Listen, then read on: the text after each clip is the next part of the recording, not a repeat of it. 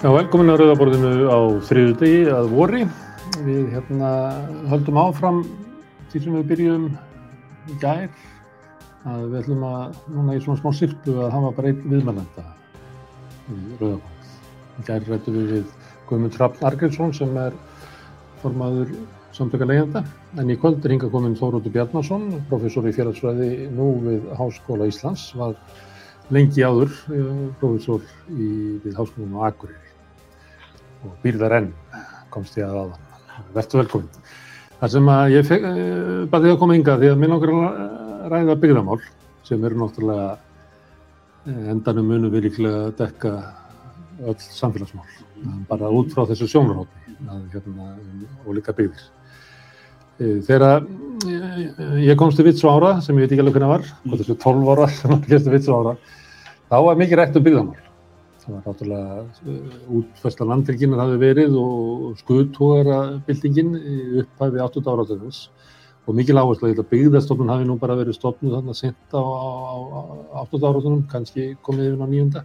Þannig að byggðarmál voru mikið umræðið. En það er ekki svo lengur, miklu minna sem er rætt um byggðarmál. Ég veit að ég er svona yngra fólk ætti í erfuleikum með að bara kveikja á það hvað ég var að að ræða um, að maður vildi fara að ræða byggðarmál. Mm. Og þá veldi maður fyrir sér, er kannski, eru stjórnvöld í dag ekki með neitt sem að kalla með þetta í byggðastefnu? Getur þú greint að hverju var í byggðastefna núverandi ríkisvöndur?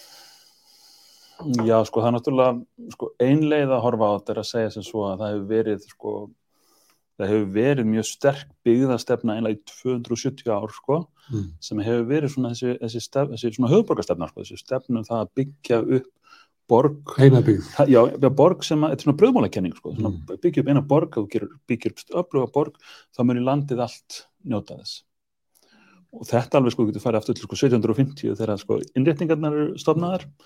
Og það er bara svona Gallinu í Ísland væri það að vantaði borg. Já, það var bara, það bara drefbíli í danska konungsríkinu já. og hvað er þetta að gera til þess að, að koma inn í nútíma áttundardarinnar Þá þurftu borg. Já, og, eða bæ, til að byrja með sko. Mm. og hvað gera menn, bara nákvæmlega saman eins og núna þú setur upp fyrirtæki sem að er sko algjörlega vonlust business getur ekki keft við sko stórfyrirtæki þess tíma sem voru innréttingarnar mm. og hellir peningum í það og það svo sem skilaði aldrei nýjum hagnaði mm. en það skapaði störf Mm. Þú flytur stopnarnir? Mm. Þú tekur skólana, flytur það inn í þorpið, þú tekur biskupin, þú tekur alþingi inn í, inn í bæin og á svona 50 árum að þá var byggt upp sko 300 manna þorp, mm. svona eitthvað eins og Holmavík mm. Og hérna, og hugmyndin var svo að þarna gætum við, sagt, og svo uh, byggir upp samgöngunar, þú leggur vegi og þú byggir hafnir og gerir til þess að, að, að skapa hér, til að stækka svæði bæjarins. Mm.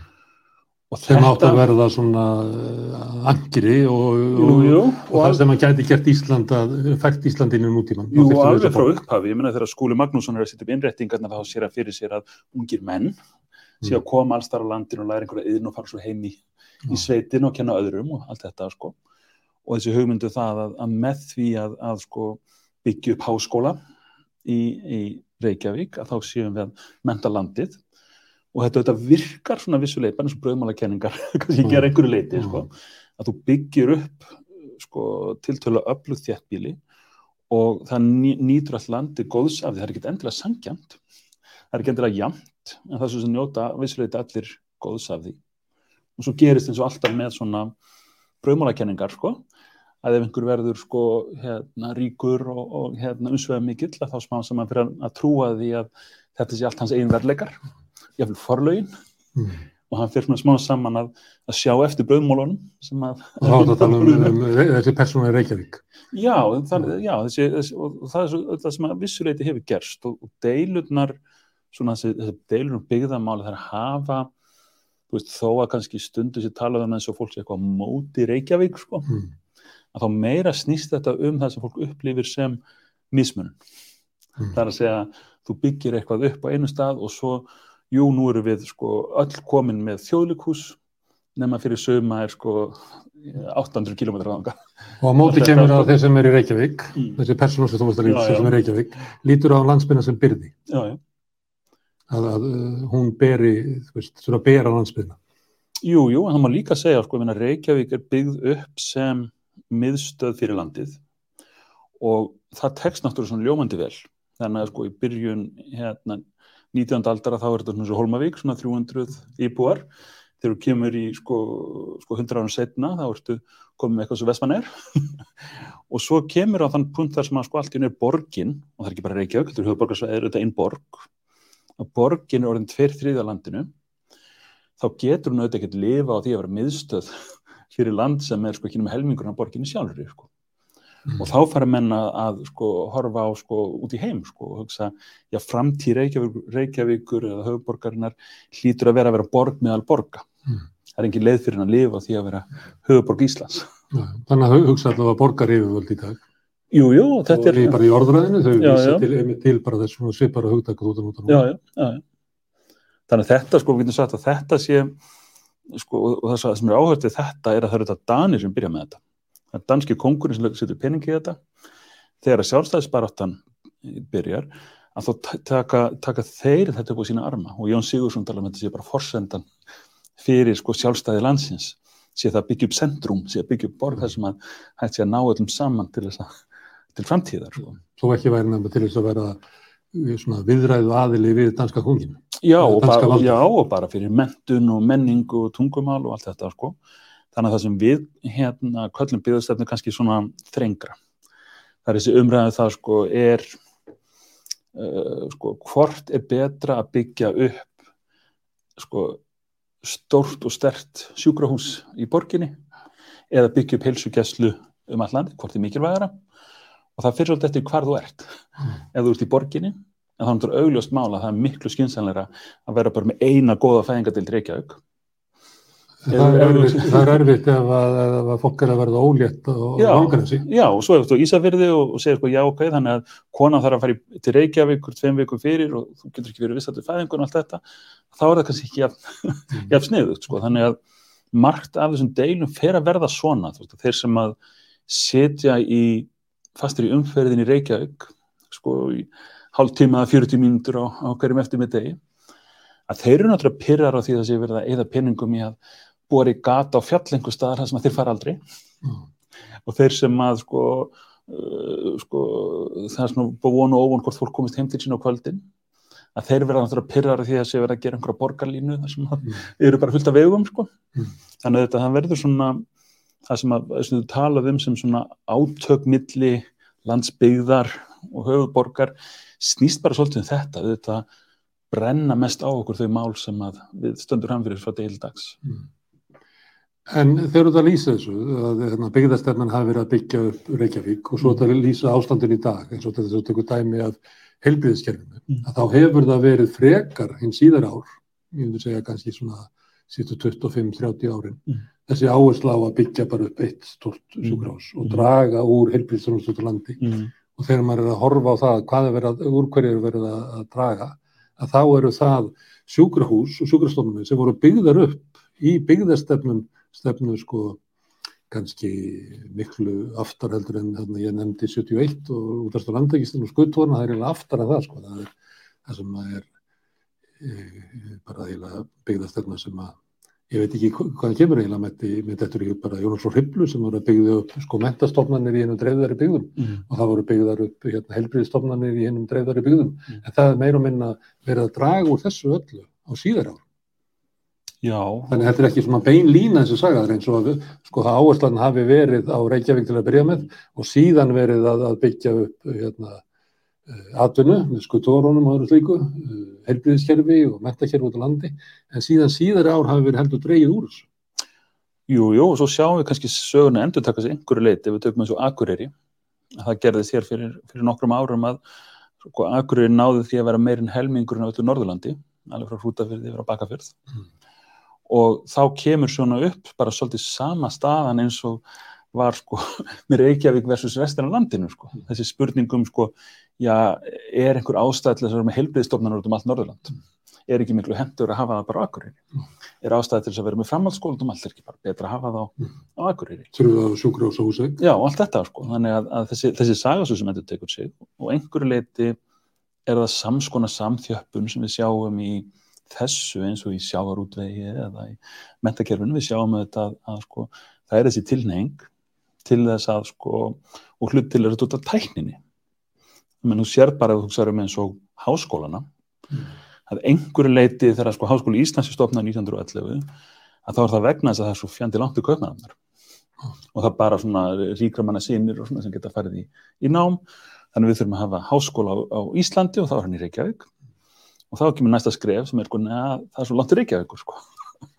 og þá byggjur háskólan á, á, á Akureyri og þá segir menn já hann er langt Akureyri hann er ekki og þetta allt saman sko háskóla setur. jú, jú, og svo kemur svo, sko, En á ekki teknan að hjálpa okkur í þessu? Er ekki auðveldar að vera háskólanemi og djúbavogi í dag heldur en að var, jú, Já, þú ert búin að fara svo langt aftur að það er bara 1750. jú, jú, og þá kemur þetta sko, já, ef að hérna, ef við erum að horfa inn í framtíð þar sem að sko, já, þú getur bara verið í viðskiptafræði við Köpnumharskóla eða, eða Harvard, hvað sem þú ert í heiminum, já, til hvers er þá Háskóli Íslands, Mm. til hvers er Háskólin Akureyri, ef að tæknin leifir okkur að vera í námi hvar sem er, Mm. og sama sjáum við með sko Þá er sjávarútveginn, þið farið til já. að takmarkar um aðgengja mentur með því að vera svona central þar sem þú verður að fara til þess að gera í staðin fyrir að styðja það að þú getur verið í mentum bara hvað sem er á djúbavogi. Já, en það gerist hvort tvekja, menn ef, að, ef þú segir sko, já, ef að sko, framhaldsskólanir sem við byggðum upp út um all land, ef það er ekki lengur nöðsinn að þessi fram, framhaldsskóli í hverju, hverju héræði og allir getur bara verið í bara besta framhaldsskólanum á landinu, eitthvað svona, sko, að þá er þetta, kemur þessi spurning, sko, já, ok, það hefur kannski mentun að tækja fyrir einstaklingan að hafa batnað, en þarna eru þá einhverju framhaldsskólakennar sem hafa ekki lengur starf. Það er ekki hérna, sko, dregur úr, úr mætti samfélag, þetta verður svona einstaklingsmiðara saman með háskólana, að sko allir fara bara í það háskóla sem vilja í veröldinni, þá eru sko mentun að tækja fyrir betur heldur en okkur sinni fyrr. En hvað verður um, hvað áhrif myndi það hafa á já, samfélagi Reykjavík ef að háskólanir hér leðist af, eða hvað áhrif hefði á Akureyri, háskólan Akureyri leðist af? Og þetta er að sumuleita sama sem við sjáum með sko, í svona sjárutveginu þar sem að, að sko að ákveðnuleiti, kannski aðeins ofmynd en ákveðnuleiti þá byggjast þorpin upp vegna þess að það er ekkert vegakerfi Mm.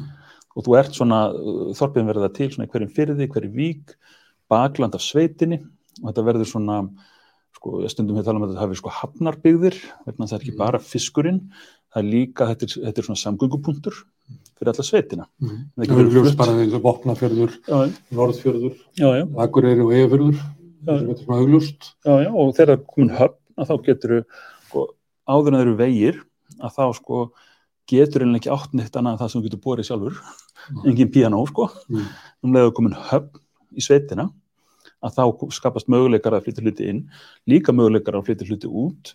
Að sko, amma mín sagði sko að það veri nú auðvelt að ferðast nú til dags maður þurfti bara að sitja á rassinum og það var komin á áfangastað. Það byrjar eiginlega með höfnánum þar sem hún getur hérna bara farið úr sveitinni nýr á höfn og svo bara viti menn nokkur viku setnir þetta konil köpnafnar, þetta er að sitja á rassinum sko. En svo kemur vegakerfið. Og þá þarf ekki að hafa sko verslun í hverju einsta þorpi. Þú þarf ekki að hafa einlega höfn í hverju einsta þorpi. Þú þarf ekki að hafa það verður sér samþjöppun strax þegar veginni koma eftir setni heimstyrjöld svo kemur tæknin. Og allt í henni er sko möguleikar fólks á verslun gjör breytast og þú getur rauninni sko, keift allt sem hugurinn gyrnist bara heima frá þér í stofun og djúpa og ég sko Mhm. en á sama tíma þegar verslunin lokar þá missir líka samfélagið eitthvað þannig að þetta er svona þessi tíma sem við erum á Mm. þetta er allt, allt á hreyfingu Og það sem að hefur breyst, ef við tökum svona þessa breytingu á svona ímynduðu bara, eða tökum bara húsæk, Mm. það sem er ennþá sjúkrós, að þeir eru að berjast fyrir því að halda því, býst ég við, Mm. alltaf heilu Mm. hófandi að geti komin aðhaldskrafum að því eru loka. Ég veit ég er síslumæður hann eða þá, ég veit það ekki. Síslumöðurinn á, á Norrlandestra er á Húsæk Já, þeir eru með síslumann Já. og þeir eru með lækni. mm. Eh, Þeir eru ekki með sína eigin útgjörð, Mm. þannig að mjög litlu Mm. leiti. Eh, Verslunin er einhver leiti farin, það er komin útibú frá stærri Mm. félagum, þannig að það er svona, þetta er kannski svona, á, standur svo ágætlega Húsavík, Mm. en svo getum við farið eitthvað annað þar sem meira hlutin að þessu er, er farið, þar sem allar ákvarðanir um uppbyggingu staðarins Mm. eru teknar annars staðar. Já, Það er náttúrulega hýttur að vera stæðsta breytingin. að, að, Jú, og, og að þú missir rödd, sko, ég meina, þú, hugsaður eins og bara fyrir vestan, þegar að, sko, norðan og vestfjörðin þegar göngin koma, sko, um leiðu göngin komi þá, sko, mjög fljótlega þá lókuðu verslannar í þorpunum, Mm. uh, versnaði verslunin á, í þorpunum, hann fyrir því hvernig á það leitið, þú gæst komist í bónus, Mm. einhver leitið batnað á hann, sko, en það var ekki verslun í þorpinu, þegar þú sameinar, og er umverulega, sko, ef þú tekir inn sko umhverfisáru og svona, þá er þetta mjög óhagkvæm já, já, já, já, en svo þegar þú sko sameinar sko sveitafélun, eitt sem gerist er það að sko, já, hver á að tala fyrir þingeyri í sameinuðu sveitafélagi og menn hafi þetta verið að gera tilrunni með þetta með heimastjórnir og, og svona sko, en, en þetta er þetta sko eitt af því sem við höfum þetta séð gerast aftur og aftur að sko um leið og, og sko kópasker og rauvarhöfn komið í sveitafélag með Húsavík já það næsta sem gerist er það að fólk í þorpunum upplifir að allt sé flutt til Húsavíkur Mm. sem er nákvæmlega saman eins og upplifun á því allt sé flutt til Reykjavíkur það var þessi samþjöfun Sveitafélagi Jú, jú, og, og, ákveðningur um það að það var tekin ákveðin Húsavík að þetta loka sundlauginni fyrr já, það var ekki tekin að allt innur ákveðin um það hvernig sundlauginni er opnur Rauvaröfn sem Já. er liggur við að sé svo lítið að það væri að bara láta alla þorsbúa að fá líkil af, af sundl- sundlauginni eins og eh, ég kom í svoleiðis bæ í, í Noregi þar sem það var gert, það voru bara allir með líkil af sundlauginni og íþróttahúsinu já, já. það var tekin ákveðin í Húsavík til þess að spara það loka Jú, fyrr jú. og það er svona, þetta, þetta er svona áhugavert því að, að sko, ef þú talar við fólk á Rauvarhöfn þá segir það sko við fáum svo miklu minni þjónustu heldur fólk á Húsavík Mm. við erum að borga útsverðis allar aðri en við Mm. fáum miklu minni þjónustu og það er alveg rétt Mm. tala við húsvíkingan og þeir segja sko já en hver íbúi á Rauvarhöfn sko kostar sveitafælið miklu meira Mm. við erum eða miklu meira per íbúa þar heldur en á sig það er líka rétt og það sem við höfum kannski gert með þessum sammenningum er að við höfum tekið sko kannski byggðarlega sem hafa átt mjög erfitt uppdráttar eins og, eins og Rauvarhöfn eða Bakkafjörð og sett það einlega á herðar byggðarlega sem standa ekkert allt og vel Mm. allt í ná Þórsöfn að bera ábyrð á, á Bakkafjörði þegar nú er þetta sveitafélag eða Húsavík sem að sko er í varnarbaráttu, gagnvart já. Sko. já, á líka að, að sko bera ábyrð á Kópaskeri og, og, Rauvarhöfn Já, Ég var í Húsavík, þá voru umræður um það hvort þetta samina atvinnuþróunafélög Mm. við atvinnuþróunafélag eigafélag og það varð mm -hmm. og þá voru margir sem sögðu þú veist að bara Nei, þú glemt þessu sko. Það verður aldrei neitt sem kemur út úr, enga Mm. tillögur sem kemur út úr þessu sem að gagnast okkur, það verður bara allt flutt yfir á Akureyri. Þannig þessi tókstreita sko sem að stóri aðilinn er alltaf að soga allar ákvarðanir Mhm. og ákvarðanir teknar þar út frá þeirra hagsmunum að þetta er eiginlega út um allt. En má ég spyrja þig, af hverju eru við hérna, eh, einhver geti haldið að þetta var óumflíðanlegt, Mm. bara nútíminn væri einhvern veginn á leiðinni Mm. Og, og þessi breyting væri bara leiðinni í áttina nútímanum, en við vitum að þetta eru ákvarðanir á bakvið Mm. sem eru um að íta undir þess að þróun. Mm. Það er ákvörðun um að, að flytja sem mest af fylgbriðsjónusinu suður. Það er ákvörðun um að, að einblýna á svona til uh, starri staði. Það er ákvörðun um það að, að, að skipulegja sveitafélagi þannig að smerri sveitafélag geta raunvel ekki Mm. hérna, lifa. Það er ekki búin til einhver annar valkostur sem væri þá eitthvað svona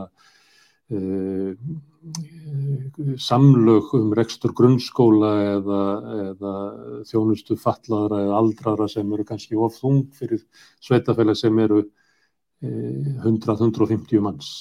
En samt er kannski fólk sem að myndi helst vilja búa í slíku, Mm. slíku vilja bara búa á þingari, þú nefndir það, eða já.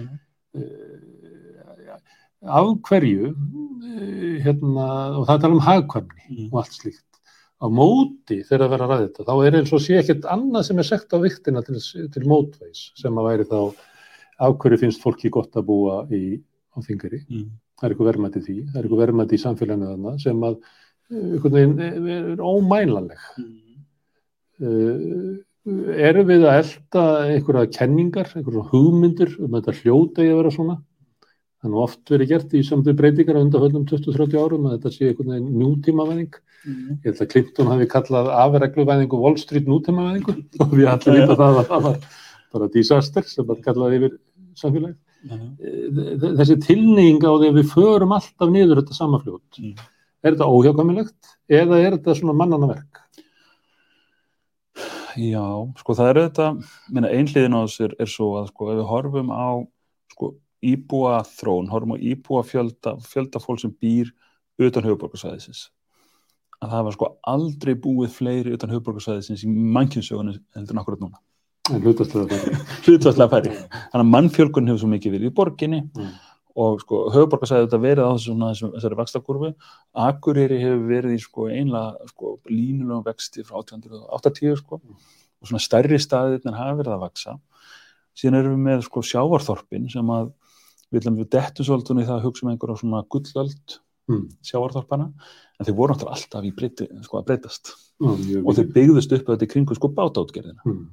og þetta var svo lengi þannig að það voru sko tógar, þetta voru borgarapparöld Mm. og bátarnir, þorpin byggðust í kringu bátana og það er einmitt eins og nefndir sko þegar svona skutttógaravæðingin þegar þú fyrir að taka sko tógara, setja tógara Í inn í smærri þorpin og byggja upp og það er þetta kallar á hraðfristu hús og Já, já, kallar á eila aðra innviði sem að þorpið kannski litla þorpið já, ræður illa við, við það? Já, já og, þú veist og, og einhverju grættu hellingspeninga mm. á því sko og, og það var auðvitað ekki sjálfbært og hafa byggt upp svo rosalega afkast að geta í sjávarutvegi að hérna sko, auðlindi stóð ekki undir því.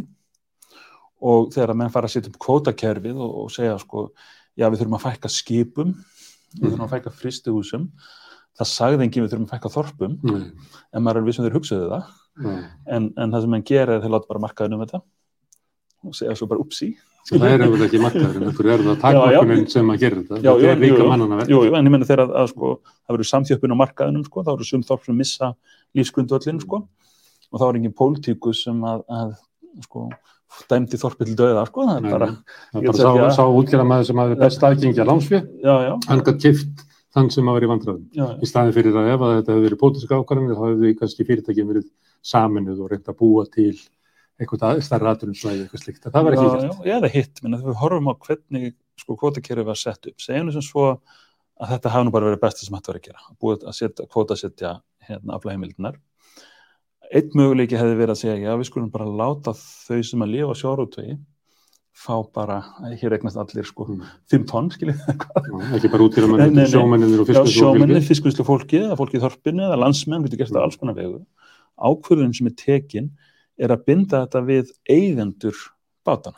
Það er Mm. þangað sem að, að hérna, aflægimildin er að fara. Og það, og sko, það má vel vera ef við hefðum bara deilt aflægimildunum á alla þjóðina.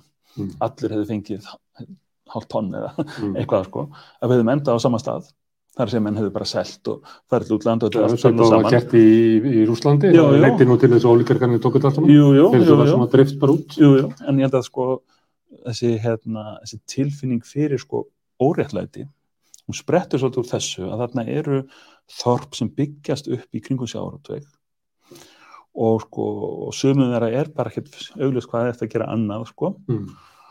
Og svo þegar að, að hérna, þetta fyrir allt sem hann flegi fær þá er þetta eiginlega bara svona sucks to be you sko við byrjum enga ábyrgð á þessu, þetta er bara markaður að gera þetta Já, sko En það er ekki endilega víst að sko leiðin sem var farin hafi leitt til hagkvæmustu niðurstöðunar.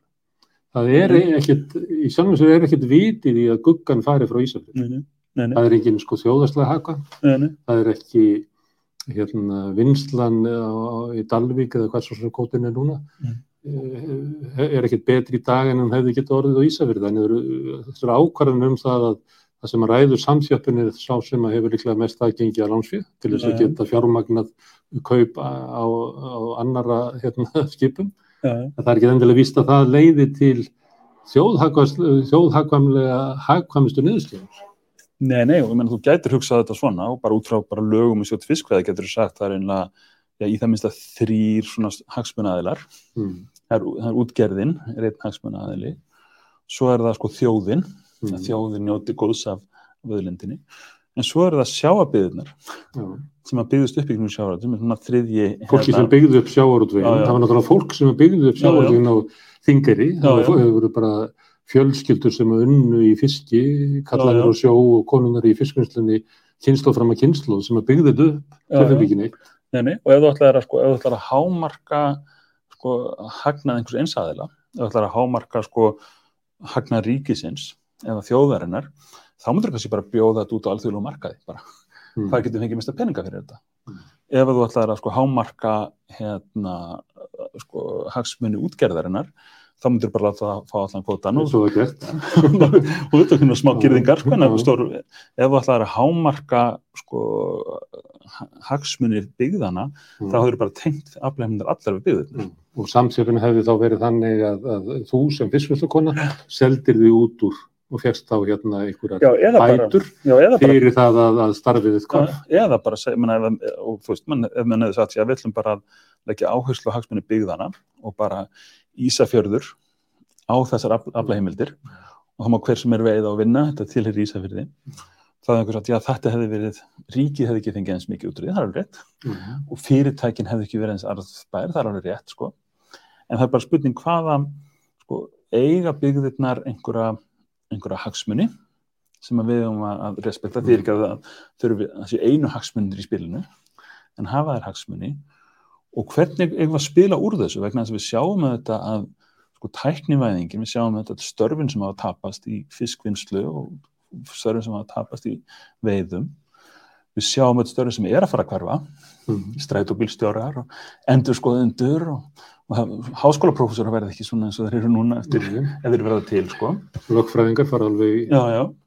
þannig að sko ef við segjum hvað er, það, sko, hvað er það besta sem við getum gert fyrir þingari að sko, það er ekkert endilega að fara aftur til 1970 sko. Mm. það er kannski, þú veist, þingari eins og við öll þurfum að finna sér staðin í framtíðina sko og það verður að gefa þeim rödd sko því að við vitum þetta ekkert hvernig fer og það er að veðja á rángan hest sko en að gefa fólki tækifæri til þess að finna sér framtíð. En þá verður að hafa einhverja stöðu, Já, já. eins og þú varst að láta þið fá kótan hann áðan, þá hafa hann einhverja stöðu og geta Já, mótið sína eh, framtíð, en ef að allra ákvarðanir, umurlega ákvarðanir um samfélagi eru teknar annar staðar, af einhverjum útgerðamanni í, í þar næsta fyrir því að eru slíkur, þá eh, hefur þetta, þá hefur fólki ekki rödd, sko. Nei, nei, og það sem við höfum gert, við höfum tekið sko lítinn bit af, af, af aflaheimildunum sem er byggðakvóti sko, en það hefur verið bundið við það að sko, að þykjast að við getum fyrir aftur til 1970. Það er að segja, hérna eru 200 tonn af þorski, farðu núna og byggðu upp arðbæra útgerð. Já, og er allir- innviðið sem að voru eh, farnir, Já, já, þannig að það er stendur eiginlega, þorpið stendur ver heldur en Já. 1970. og þú gerir ekkert með þessar heimildir sko. Getur ekki byggt upp Nei, nei, fiskvinnslu, getur ekki Nei, nei. byggt upp, kannski ekki bara ekki til, sko, fyrir klakavélinni. nei, nei. En svo er þetta misjant, svo eru sum, við þetta sjáum að sum þorp eru bara orðin útkverfi af stærri bæ. Sum staðar er það þannig. Já. Sumir staðir hafa sko fundið sér eitthvað framhaldslega í ferðarþjónustu. Sumir staðir sko eiga kannski ekkert mikið annan sjans heldur en sjárúti. Mm. Ef það er ekki sjárúti þá, þá verður ekki byggð sko. Mm. Það tekur staðin svo grímsei. Mm. Það sko, Bakkafjörður. já, já, þá getur farið svo ringin og bent á Já. staði þar sem að, að þetta er kannski, það er ekki þetta mörgu öðra hverfa sko. En sumstaðar og meina, samgönguframkvæmdir sem að tengja sko litla staði við stærri staði að þeir sko gefa íbúanum tækifæri á meiri þjónustu, verslun, fjölbreyttari störfum, þorpið hættir svolítið að vera til sem sjálfstæð eining sem er svona sorglegt sko, Mm. en þetta, þetta hefur við gert sumstaðar sko, Mm. en við getum ekki ímyndað okkur að sko að það sé sama lausnin fyrir alla. Mm. Við verðum að gera nákvæmlega sama allstaðar. Ég ætla aðeins að bakka því að þú nefndir hérna þrjá hagsmunaraðalega varandi útendingu á kvóta. Það er þá ríkið sem að myndi þá eiga kvótan og selja hann og fjármagna svona eins og skattlagningar aðferð. Svo er það leiðin sem var farin að, að hérna, útgerðin fengi þetta sem endar með því að það verða nokkur ógnarstór eh, fyrirtæki sem að raunverulega trotna yfir greininni og þar leiðandi yfir stóru hluta landsbyrnars. Og svo er það þannig ef að þorpið eða fólkið sem að raunverulega byggði upp sjávartveginn hefði átt þetta. Þannig voru að sumuleiti margir af þessu stöðum áður, þar sem að það voru margar útgerðir, eh, svona bátar, þar sem að þú kannast vita, þú veist, e, hérna útgerðarmaðurinn var sjálfur skipstjóri og bróður hans kannski stýrumæður og, og, og, og kona hans og rakett allt saman úr landi og, svo voru þarna netavestæði og það voru hérna velsmiðja og, og, og svo sem að arðurinn Mm. hann kannski, hann var ekki, þetta var ekki arðsum útgerð, Mm. hún var ekki að borga eigundi sínum mikinn arð, en arðurinn svona hýslaðist um staðin og byggði hann upp. Mm. Við getum séð fyrir okkur bara staði eins og kannski eins og Akranes og klárlega Ísafjörð og fleiri sem að byggðust bara upp svona með þessum hætti. krafan sem eh, hérna, við höfum kannski verið með undan fyrir 30 ári svo að það verður að vera arðsemi Mm. sem að þýðir náttúrulega ekkert annað en það að eigendur fyrirtæki sem geta tekið og greitt sér arð Mhm.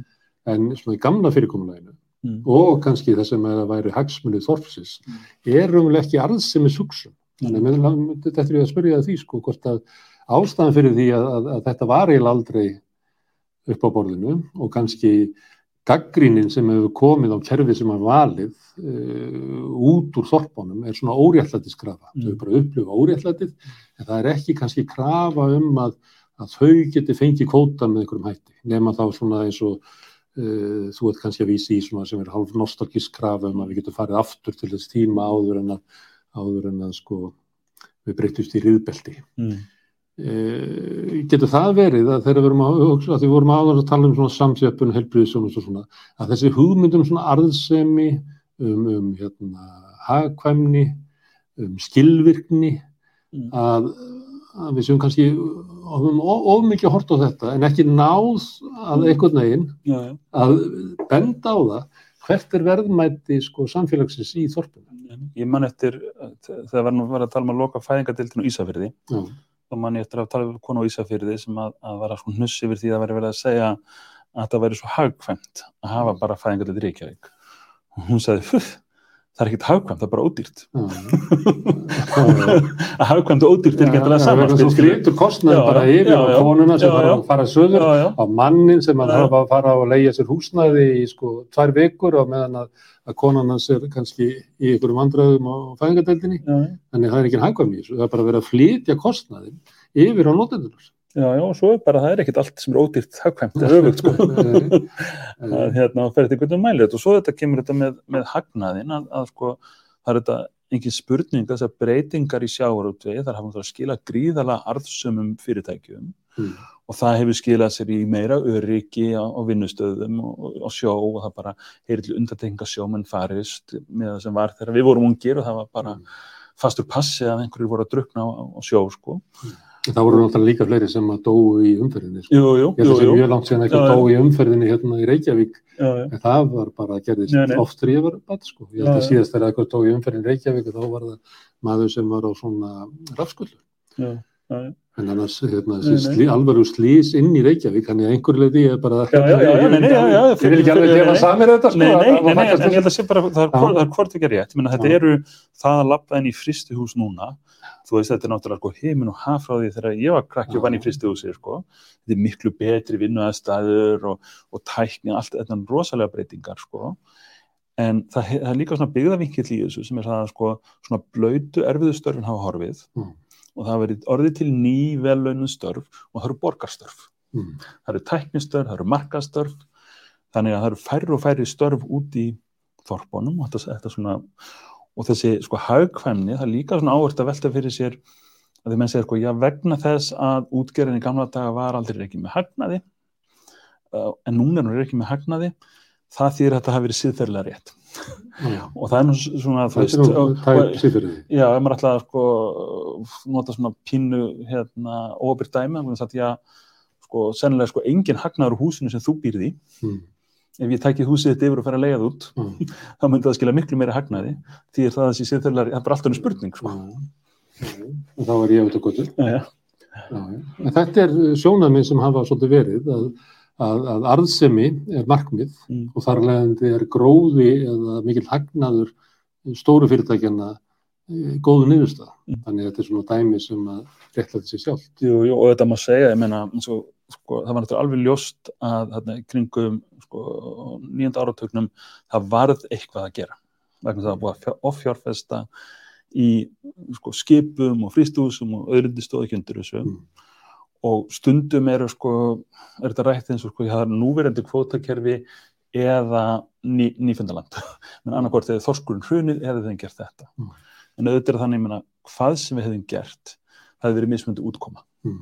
ef við hefðum gert einhvern öðruvísi þá hefði það komið öðruvísi út fyrir þorpin það hefði komið öðruvísi út fyrir útgerðina það hefði komið öðruvísi út fyrir ríkið og það er svona, þetta svona what if sko Mm. en við erum þetta bara hér og spurningin er bara sko, sko hinga ef við, ef við ætlum að virkilega taka svona langan sögulega vingil þá getur við sagt sko alla mannkinsöguna að þá höfum við þurft að búa það sem við gætum séð fyrir okkur þannig að fólk hefur farið úr sko fallegustu dölum inn í menguðustu yðnaðaborgir að þeir gáttu séð fyrir sér og sínum tæknibildingin sem að í fyrsta lagi gerir sko vinnuna óháðari stað mm.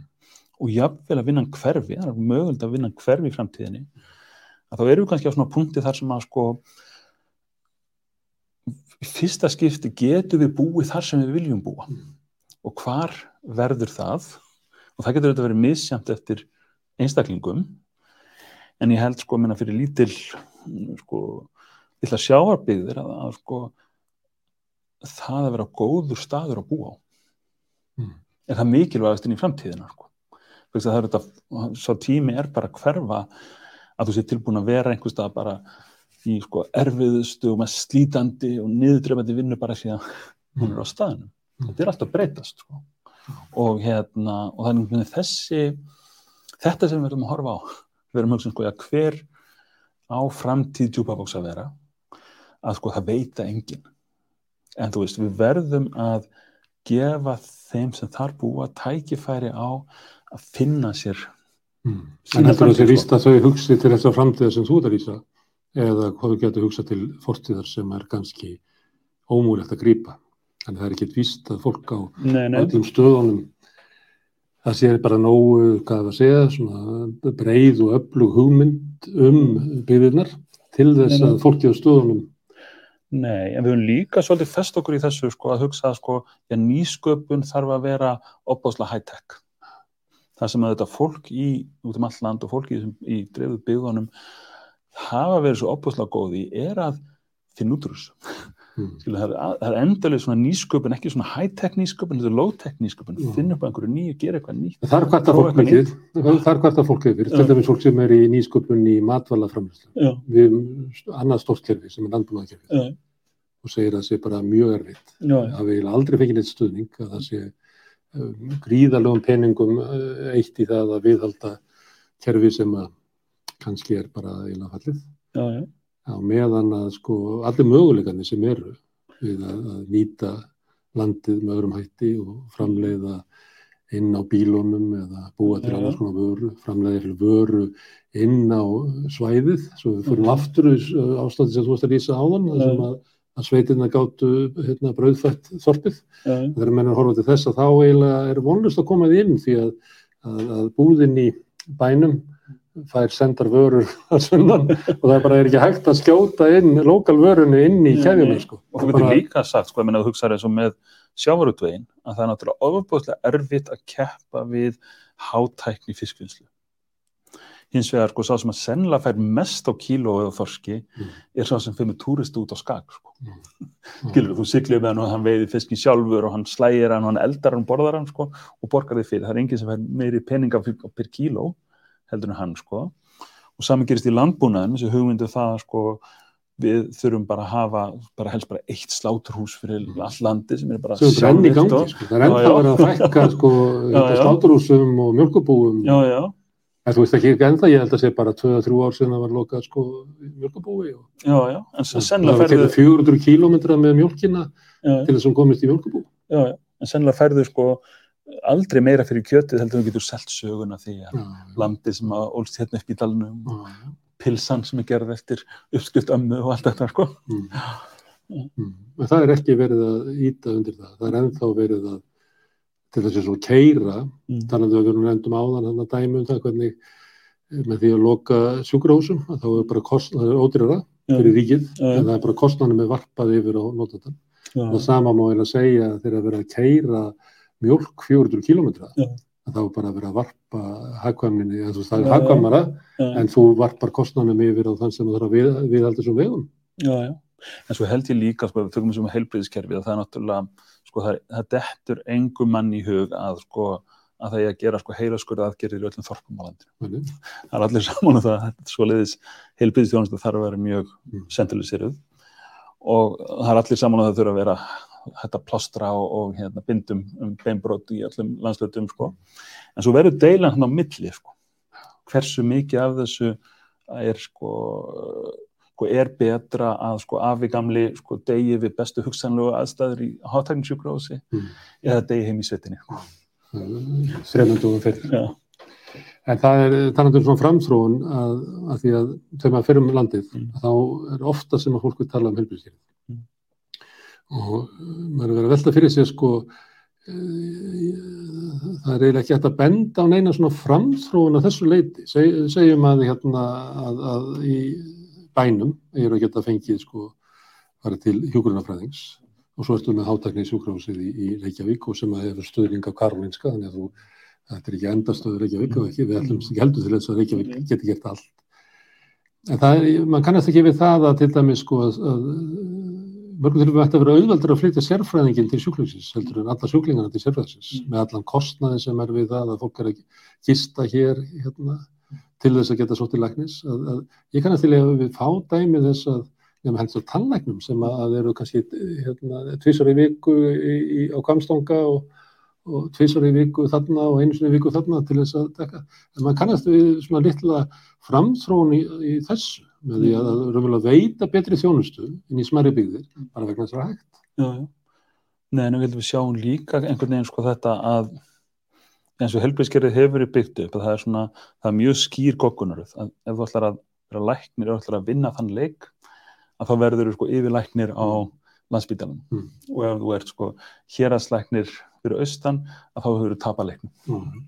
og þú veist og einhver sem að jafnvel fer í læknisfræði og sko með hugmyndu það að þetta verði sko, góð vinna til þess að vinna í sín, heim í samfélaginu og bæta samfélagið að það tekur ekki lengi að læra það að, að það þýðir að þú ætlar að tapa Mm. leiknum sko. Og við sjáum sko Ég talaði um unga læknir sem er þessari stöðu sem voru að berjast fyrir því að fá að vera já, góður heimilislæknir út á landi það sem er best að vera heimilislæknir Já. því út í mest í nálaðinni við sjúklingana. Já, og hann var að tala um það, hann var eiginlega bara að berjast fyrir því með læknarna að, að, að, að það veri virt svo ákvörðunars að vilja verða svona læknir. Já, já og það er sko, við sjáum í, í, í sömum strjálbílunöndum eins og í Ástralíu og Kanada þar er sko, dreifbílislækningar er bara sér grein sko og þetta er svolítið og með löggurnar Mm. að sko það að vera sko ert lögga í, í dreifbílinu sko þá ertu neðst í, í goggunaröðinni en það að vera í sko hérna hjá ríkslörgustjóra þá ertu komin, komin á toppin Mm. það að vera sko lögga í, í, í sko litlu þorpi eða, eða, þetta er náttúrulega þetta er allt öðruvísi kompetens sko Mm. því að þú ert kann bara eini fulltrúi yfirvald á sæðinu sko. og þú þarfst að díla við allt sem kemur upp á að menn í borgin er þetta mjög, mjög sérhæft Mm. sko. þannig að sko, við höfum þetta farið í það að, að sko, menta helbriðstarfsfólk, menta lögreglu, menta allar stjættir út frá þörfum borgarinnar Mm. sem er þetta fínt, borgin þarf að halda en bara út frá þörfum borgarinnar þú veist, þannig að þetta er hérna það verður þetta tómarum sko. En þetta er eins og, þetta er svona eins og svona hugmyndalegur vandi mm að ég kem alltaf að þessu aftur, þessu hvers virði er þorpið, það er vandi alltaf í jöfnuna þegar við erum að tala um uh, hérna, hagkvæmni og frama og allt saman, þá er bara gildi þorpsins, ekki menn. Má ég vitna í hérna, ég herði viðtal við að, hérna konu sem að e, er ítölsk amerísk sem að fekk Nobelin í hagfræði, hún Mm. var með tilruna hagfræði sem að hérna, eða þess að það sem er gert svona test var í þróunarlöndunum og það sem að var pröfaði á einum staðnum að að borga mömmunni fyrir að senda börnin í skólan, á öðrum stað var hérna, matur í skólanum og svona ýmsar aðferði notað. Og þetta er svona að í stað fyrir að vera að smíða mótil og kenningar að, að þannig að vera að gera svona bara tilrunir hvað, hvað er það sem að virkar. Og ég heldur að það ekki nóbelum fyrir það en hins vegar hefur hún alltaf verið að starfa í, í, í löndum og áfallalöndum og hún var að lýsa sko svona sinni upplifun af þessu að, að þegar að þetta er mælt þegar verður eitthvað áfall að þá fer, og hún sagði svona um 15% Mm. og þegar þetta er borið saman við þá sem að verða eftir að þá Mm. þeir sem að fara eru alltaf með herri laun mm. uh, börnið þeir eru betur mentuð, Mm. þeir búa ver á öllum mælikurum sem um, hérna, kunnum að mæla þá uh, standa þessu betur. Mm. Hún nefndi Vestmanneikosið, Mm. einhvern veginn í hennar mælingum, Mm -hmm. þá hún tekið það inn að þeir sem að uh, komu ekki aftur til eiga, þeir hafa almennt betra. Mhm. En það sem hún sagði var, það sem er að þessari hérna, hugsun okkar, Mm. þessum við horfum á þetta og við höfum alltaf trúað þessu, að það veri bara ávinningur að því að fara á þorpinu, það hlýta að vera. En við spurðum aldrei sko 85% af hverju varstu eftir Mm. og hvaða hérna, eh, sem sagt, mæli hvar að þau lögðu það að það veri betra að vera eftir því að það fólk var ekki vittlust Mm. vissi alveg að það fengi æri laun Mm. vissi alveg að hérna, það er því á alla þessa mæli hvar það sem eru líklega búin til í borginni Já. þá verði líf þeirra betra. En það fóru samt ekki. Mm. og hérna, þanga til að við kunnum að mæla þetta að þá eiginlega er allt tal okkar um svona by- byggðaröskun og, og hamfarir og viðbröð við því hvað hefur að gera þegar koti fyrir frá þingari að falla Já, bara í já, segir við bara af því að við erum með þessa mæl, mælingu af, af þeim sem að fóru já. og við eigum ekki mælingun af þeim sem eru Nei, nei, og þetta hefði getað farið aftur bara til 1750, sko, ég meina hinn möguleikin hefði bara verið að flytja alltaf til Danmörkur, eins og var lagt til. sko. En svo er líka í þessu að, sko, nú hefum við verið að gera þessar kannur og spurja fólk, sko, um búsitu sögu þeirra Mm. og það sem er gegnum gangandi í litlum þorpum á Íslandi er að það er ekki nema svona 15% íbúana sem hafa aldrei búið annar staðar. Mm, að þeir sem búið þorpunum eru annarkvort fólk sem að er aðflutt Mm. eða fólk sem flutt í burtu og koma aftur sko. mm. þannig að það er svona það er öðruvísi ekki spurt sko. Nei, og það er alltaf við veitum sko, ekki já, um akkur að koma aftur sko. nei, nei, og, og þá kemur líka þessi spurning sko, já, ég meina þú veist að maður heyrir þetta, akkur sendum við ekki bara rútur eftir þessu liði og bara sækjum Mm. það sko. að meina einhverju marki á fólk rétt á því að búa heimina sér rétt á því að búa þar sem þú vilt búa og þá verður þessi spurning sko, ok, en hvað sko, hvaða kröfur getur þú gert á samfélagið Mm. ef að það leifir þér að búa þar sem að, að, að þú vilt búa ef þú býrð á Rauvarhöfn og það er það er ekkert einasta ofnbærstarðar það kemur hjúkunarfræðingur hérna tvisar í mánuði og það er mokað Mm. og allir borga skatta og þeir eru að borga fyrir sko, þjóðlikúð sem er hinn á landinu og allt þetta sko hérna, þú veist er það dýlinn? Mm. Skilur, hvaða, hvaða stuðningi áttu rétt á til þess að búa þar sem þú vilt búa? Og þetta verður þetta akkvælt eins og með Grímsey sem er mjög áhugaður dæmi því að það er svona, það verður valla svona byggðaromantískar heldur en þetta sko.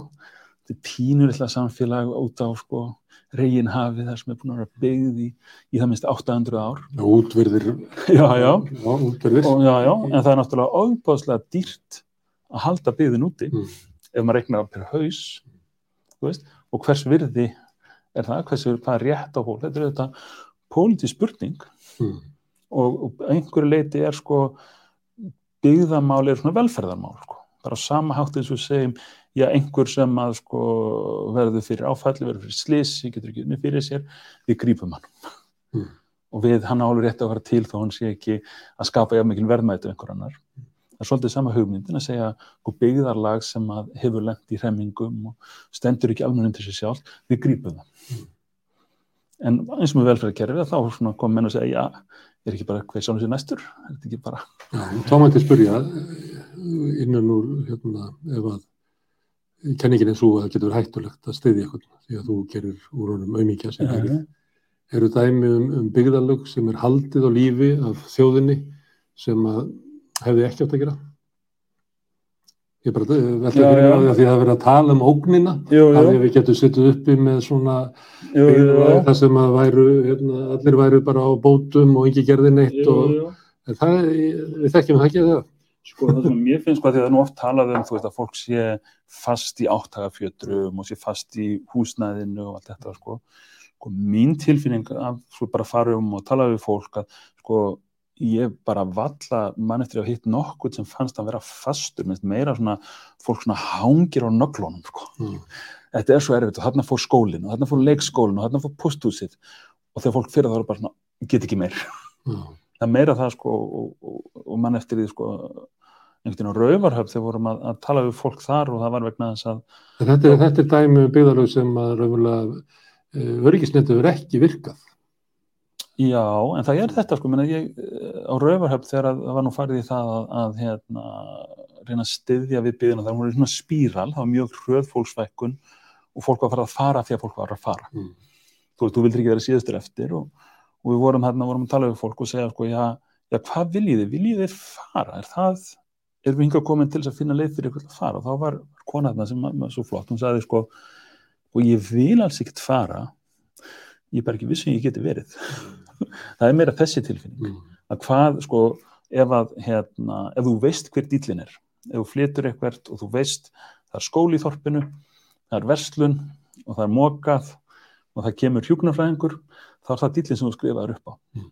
ef að leikskólinn lokar, Mm. fóstúsi lokar ef það er fara að moka tvisvar í viku Mm. þá er það ekki það sem að þá er það ekki dýllin og ef þú ert alltaf einhvern veginn að býða eftir hvað fer næst þetta dregur svo lífskraftin úr byðalóðan Mm.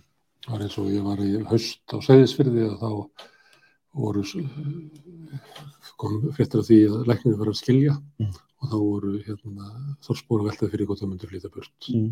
Það var bara það stærsta Ja, málið sem ja. var. Mm.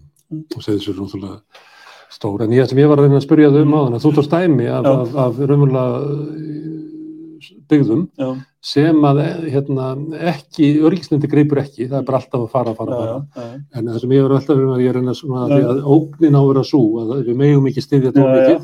þá verður bara þarna fólk sem að er bara á atvinnsbótum og lifir í einhverju hérna, á okkur. Það er, það er ekki svona dæmi hér. Um, um, Nei, og svo getum við líka sagt, sko, það, það var hérna sko fyrir sko 50 árum þá dóu þorp, já, þú veist, og það bara, og það gerist einlega alltaf eins, sko, þegar þetta, eða 70 árum, þegar skárar og langanesi lokuðu, þegar þessi litlu þorp lokuðu að, að sko, það er kannski eftir 20 manns í þorpinu og það bara, aftur og aftur er haldin fundur, já, það sem fólk sér, og hvað eigum við að gera, eigum við bara öll að fara, og svo fara allir.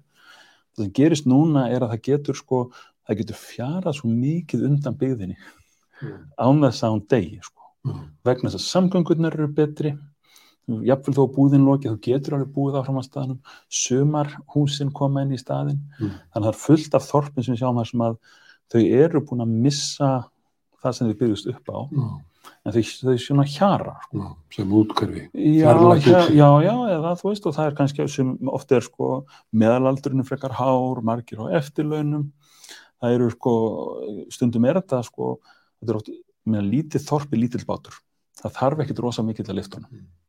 Þannig að það kemur einhver inn og opnar kaffihús á stannum og fyrir að leiða út hjól og kajak og eitthvað svona og það munar bara helling um það í 120 manna þorpi sem maður myndi ekkert munum í, í borginni sko. Já, þetta fannst mér ég sjá vel þegar ég ferðaðist um, um Skotland, Mm. mm. skóskóiðnar. Mm. Það voru til dæmis í héræði og þar, þar var bara svo gamalt fólk Mm. og þegar maður kemur út úr þessu svæði sko, og kemur, þá fórum við yfir til Írlands og bara sjá aftur börnin öll. það var eiginlega þegar maður hefði ekki séð það og svo var það svona smerri þorp sem að voru byrjað að líta út eins og svona hobbitabygðir Mm. þar sem einhver hefði komið úr borginni og opnað eitthvað kaffihús og var komið svona mikið að hérna, eftirunna fólki eða fólki sem að unni Já, hvað sem er, uh, rítumundar eða háskólaprofessorar að skrifa rítgerðir eitthvað að það varu hérna, en, en sko maður þurfti að skoða og leita að uh, um hvað snýrst þetta þorp áður sko. jú, jú, en svo má segja það líka, ég meina það eru sko þetta er aðeins öðru sér hér, en við erlendis sko, það er með sagt sko, já, er eldra fólk nokkuð verða fólk í hvað annað Mm. og þú veist þegar þú ert með staðið þar sem að fólk flytur þegar það fara á eftirlaun Mm. Fólk sem er oft bara þokkalega stætt Mm. hefur fullt af tíma tilbúið til þess að sinna samfélaginu miklu meira heldur en, heldur en hinnir en þau þurfa líka ákveðnum hlutum að halda þau eru meira á heilbrýðstjónust að halda. Þau þurfa meira á, á ákveðnum hlutum að halda sem við kannski erum ekki að bjóða upp á. Það er mjög erfitt kannski að vera að sko hérna, að eldast í litlu þorpi sem er langt í burtu frá heilbrýðstjónust og samgöngur og ótryggar og allt þetta sko. þannig að við höfum kannski ekki fengið á, s- á sama hátt eins og við annar staðar þar sem að sko, þetta er svona þetta sem hefur kallað sko gráa silfrið sem er sko Það er ekki, við erum sem ekki komin á þann stað. Það er ekki búið að gerast þér. Nei, Ekki byrjað að gerast þér. nei, það sem við sjáum, sjáum hins vegar hér er, og sem er mjög áhugavert, er sko vöxturinn á Suðvesturlandi. Svona þessi 100 km radíus í kringum Reykjavík. Það var svo lengi þannig að Reykjavík og höfborgarsæði var eflast og alveg sko áratugum saman voru menn að segja það hlýtur að fara að gerast að við sjáum uppbyggingu í svona seilingafjalla því það, ge- það gerist allstaðar. Svo allt í einu síðustu aldamót fyrir þetta að gerast og vöxturinn á Suðvöstursvæðinu miklu hraðari heldur en á höfuborgarsvæðinu. Mm. Höfuborgarsvæðið mörg ári í mínus í sko, flutningi innanlands, það eru fleiri sem hlýta því að út af þessum vexti sko. Og maður horfður á stað Lækkaði íbúðum í Hafnaveri Já, eitt árið, en ég held að það bara ekki gerst. nei, nei, og, og fjölgunin á höfuborgarsvæðinu er öll vegna minni. innflytjenda sko. Já, já, þeir tapa einlega fólki Á innanlands. móti kemur að, og að sumuleitt er þetta afleðing af, af húsnæðisverði hér, að, sem að þeir sem að flytja til Keflavíkur, Akranes og Hveragerðis og já. eru frekar miðlungs og læri já, sem sækja sér vinnuna þarna þannig að og í þessum byggðum er að verða til eins og svona útkörfi Já.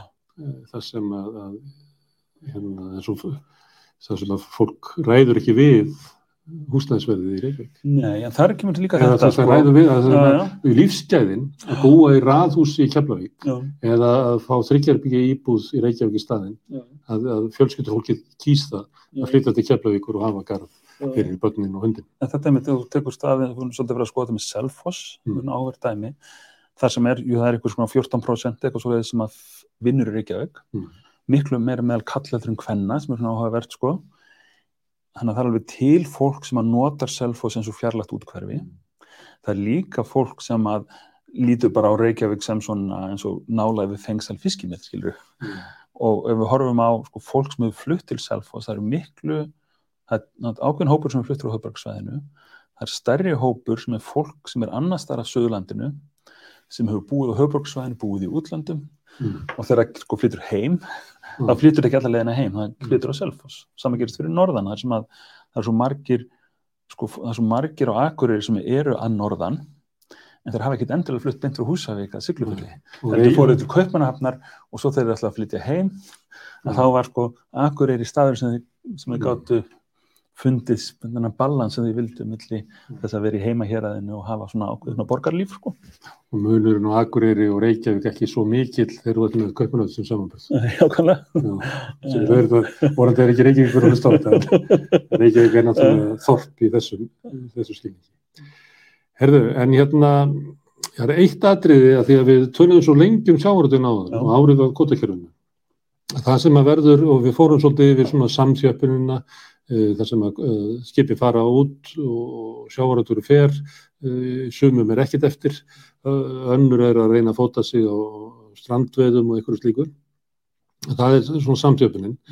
En uh, þegar hún er komin í gang, þá kemur eiginlega sko fjórða innbyltingin inn í sjávaröldvin, Mm. þar sem að kemur sko sjálfvirkni væðing og þú varst nú að Mm. taka dæmi af því að, að störfin, hérna, blöytustörfin, þeim fækkar, þetta er Mm. orðið miklu velvætara.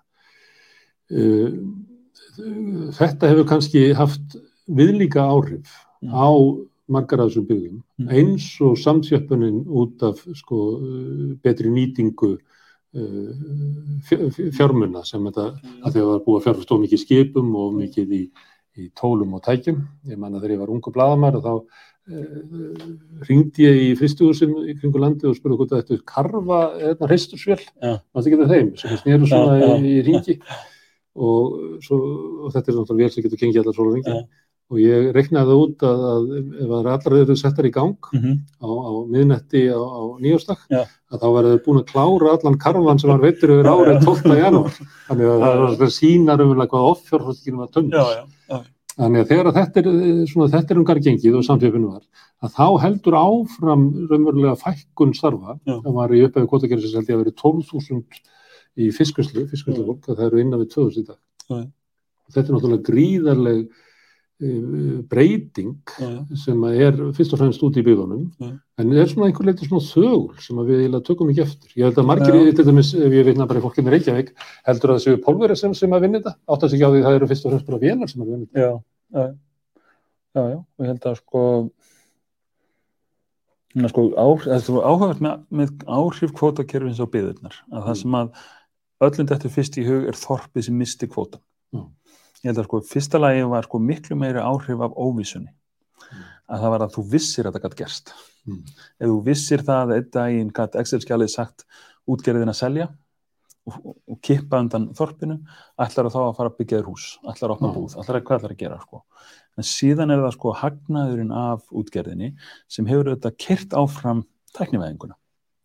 Þannig að störfunum hefur fækkað svona mikið og hvað þýðir þetta fyrir sjáabíðunar ef að sko ef við horfum að, fram í tíman og segjum já í framtíðinni verða bara drónar sem að veiða Mm. og það verður bara sjálfvirkvisti hús en þetta ákanski við um öll störf sko. það er að segja, það var þannig að, að sko þegar að sko Karl Marx var að sjá fyrir sér að kapitalism myndi hrinja sko að þá var það vegna þess að hann sá fyrir sér sko sjálfvirknivæðingin myndi verða til þess að öll störfin hirfu og þversögnin væri svo að þú getur framleitt öll þessu auðæfi en það væri enginn til að kaupa það allir verið atvinnuleysir mm, mm, og einhverju leiti var það svona þessi nýja millistjætt og þjónustu störfin sem að gripuð hérna inn í og sem að var svona þessi nýji hérna, voru svona neytundur á launum.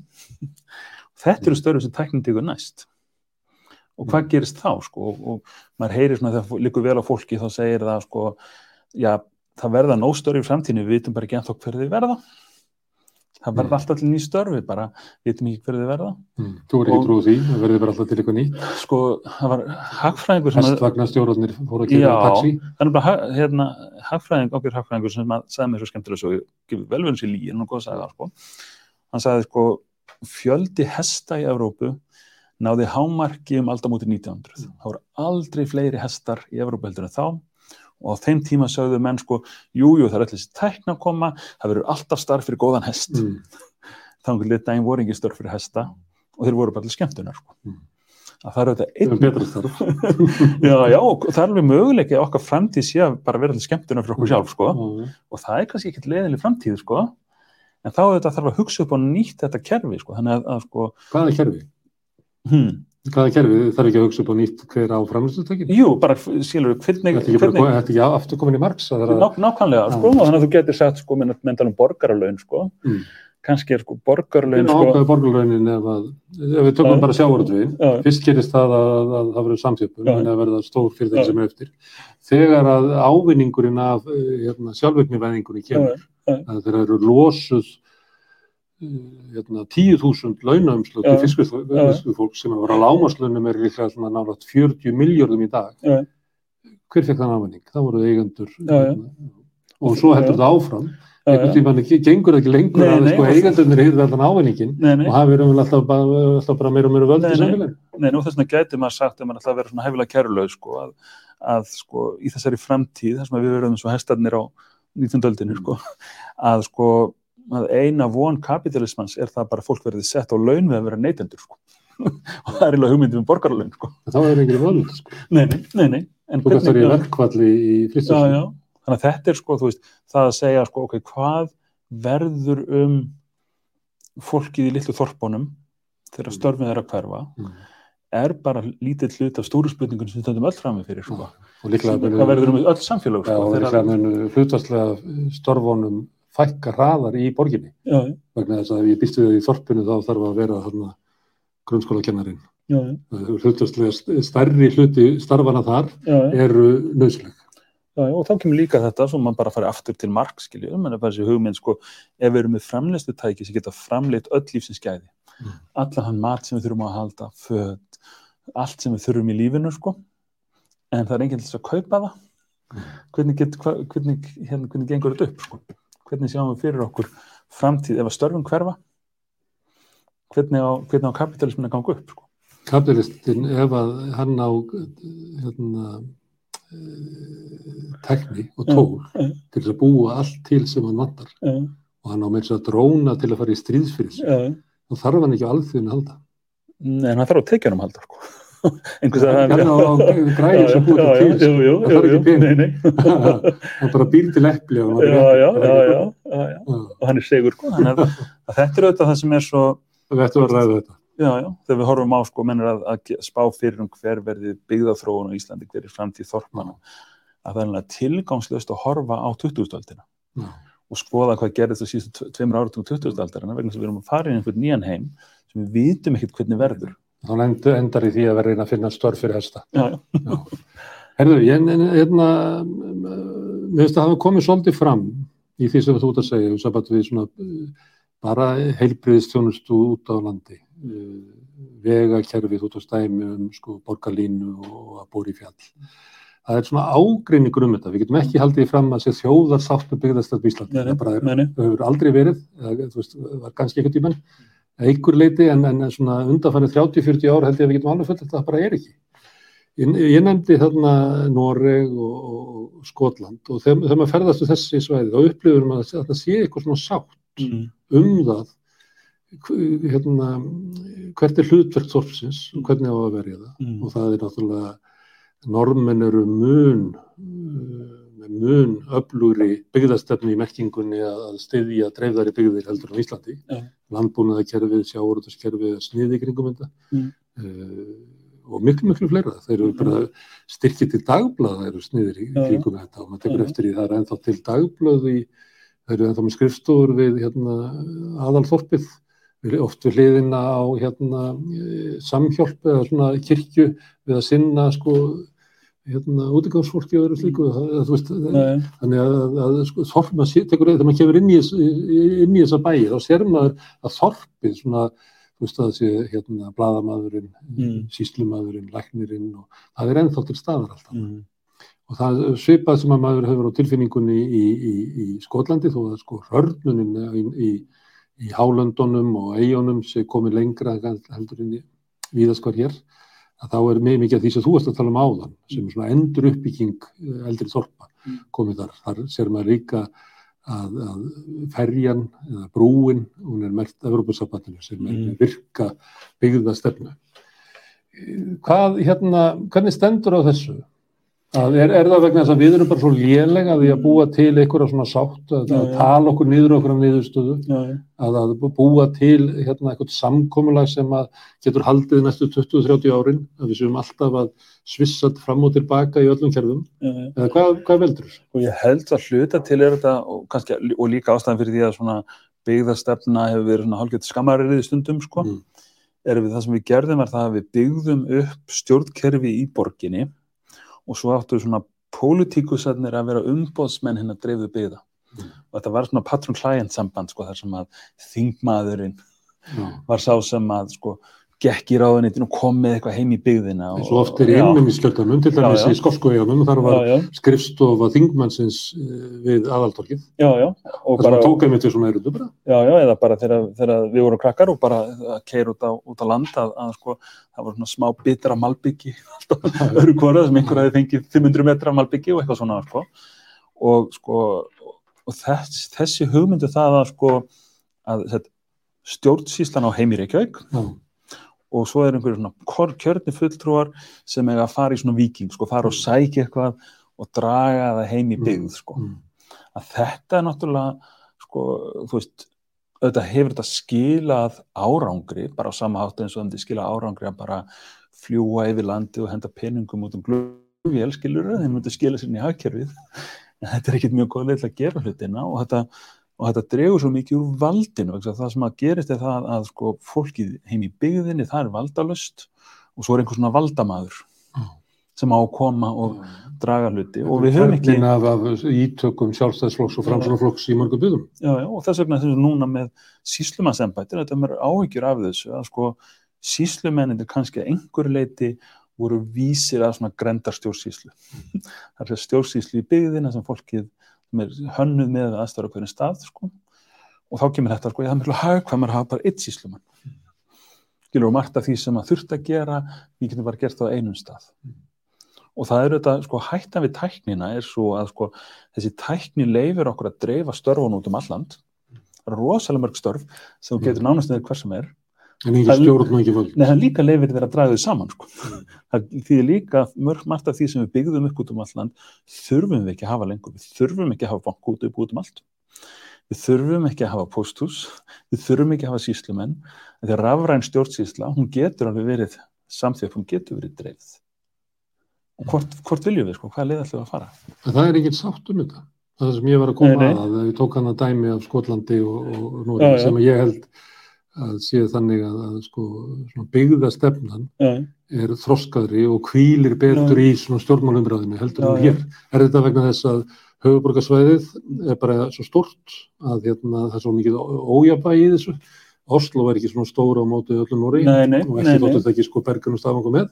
nei, nei. Eh, Þannig að það er, eh, þú nefndir áðan hann að kvítarnar, Mm. Þá hefur þú komið kannski með 80% af já. sem að búa raunverulega á höfuborgarsvæðinu. Er það út af því sem að það er ekki svona sátt um þetta eða hvað? Við Sko- erum náttúrulega ekki kannski góðið að tala okkur niður og niðurstu í nokkru máli. Nei, nei, nei, mér held að hluti af því það að sko, bara vandamálin eru svo ólík sko. Mm. Að þegar mann hugsa um sko, hvert er vandamálið umferðinni, úr í Reykjavík, að þá er vandamálið það að það er allir fastir. Þú veist, og margum, margum dreifum byggðum að þá er bara, hérna, vandamálið það að bara touch and go hvort þú komist heimliðin á kvöldin, sko, Mm. eða hvort það er grjótrun á veginum, eða, þú veist, allt þetta, sko. Já, og þetta er bara, þannig að menn er að lifa svolítið sitt hvorum heiminum, sko, og við erum kannski ekki rosalega góð í því að, að sko, hugsa um hagsmunni þeirra sem eru fjarr okkur, sko, en það er líka það að það vantar svo mikið, sko, við tökum bara eins og jarðgangagerðina. Að nú er búið að vera, hérna, vera að grafa jarðgöng, bæði á Norðurlandi og Östfjörðum og Vestfjörðum og það er enginn sem að seg, útskýr, enginn sem segir, já, Östurland með tíðus manns, ef þú væri búin að tengja það saman með lálendisvegum, að þá er það bara stærði Reykjanesið. Mm. Það getur verið eitt, eitt samfélag, það skiptur engum máli þá að konaðin fá að vinna á sjúkrahúsinu á Norrfyrði og þú í mentakólanum á Eilstöðum. Þú færið eitt samfélag tíðus manns og þetta verður allt saman miklu öflugra. Og í staðin að þá detta menn hún í þetta sko ha á að fara að grafa göngli seðisverðar. Hvað kostar það á haus? Eða á Norðurlandi að, að sko ef að Akureyri er svona miðpunktur Norðurlands, ef þú ætlar að loka sjúkrahúsunum á minnistöðunum, þá þarf að vera að komast til Akureyrar Mm. allan sólring. En þetta er einhvern umræð að vera aldrei að þetta sko. Heldur fyrir umræðinu í það sko, já, hvort er meira gaman að keira víkurskarðið eða, eða fara í valahauðgöngin sko. En varðandi göngin, Já. Að hérna, við nefndum áðan að, að uh, samsjöpunum í samböndu kótakerfið, hún var látin svona markaðnum í, í hann ætti bara að finna lustina og var samkomulega um að lusti sem hann fyndist hlýtt að vera rétt, en það var náttúrulega eh, kannski bara sá sem hafði best aðgengi að lónsfið sem að gæti stýrt þessu.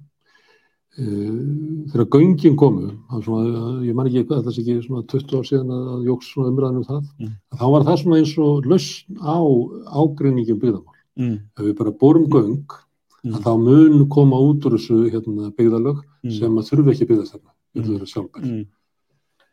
Er það þannig? Hefur þú rannsakað til dæmis hérna Östurland eftir göngin, hvernig breytingin er, hvernig svona uh, valdastruktúrum verður og hvernig fjölskyldulífi breytist og hver verðmættin er að búa eftir að það er búið til svona, hvað hefur segja, hérna, tengt saman hvað, uh, þrjú útkverfi. Sko, já, sko, göng náttúrulega, sko, göng ein og sér gerir ekki neitt. Þannig að, það er hvað fyrir gegnum þau, sko. Mm. Þannig ef maður horfir bara á Fólk finnir bara út úr því. Já. en að- já, ef maður horfir bara á byggðaþróunina, þá sérðu, sko, það eru sum göng sem að, sem sérðu alveg greinileg áhrif á byggðir. Hvalferðagöngin og Akranes. Mm. Fáskrús, Breyttu, breyttu agranessu í, Já. í útkverfi. já, já, Já. Fáskrúsferður, Fáskrúsferðagöngin höfðu rosalega mikil áhrif vegna þess að uppbyggingin var á, á hérna, reyðafyrði. Mm. Þegar að göngin opnið fyrir vestan, þú sérð engin áhrif á byggðaþróunina. Nei. Þetta breytti þetta lífskjörum fólks, að það var hægt að komast á sjúkrahúsið og það var hægt að komast í Vestland, svona hlutir sem breyttust, en það hefði engin áhrif á byggðaþróunina. Tökum göng eins og hérna, hér- hérna, héðsfjörðagöngin, Mm.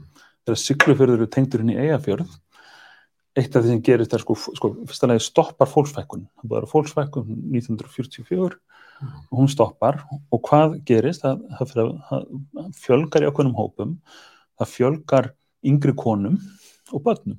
Mm.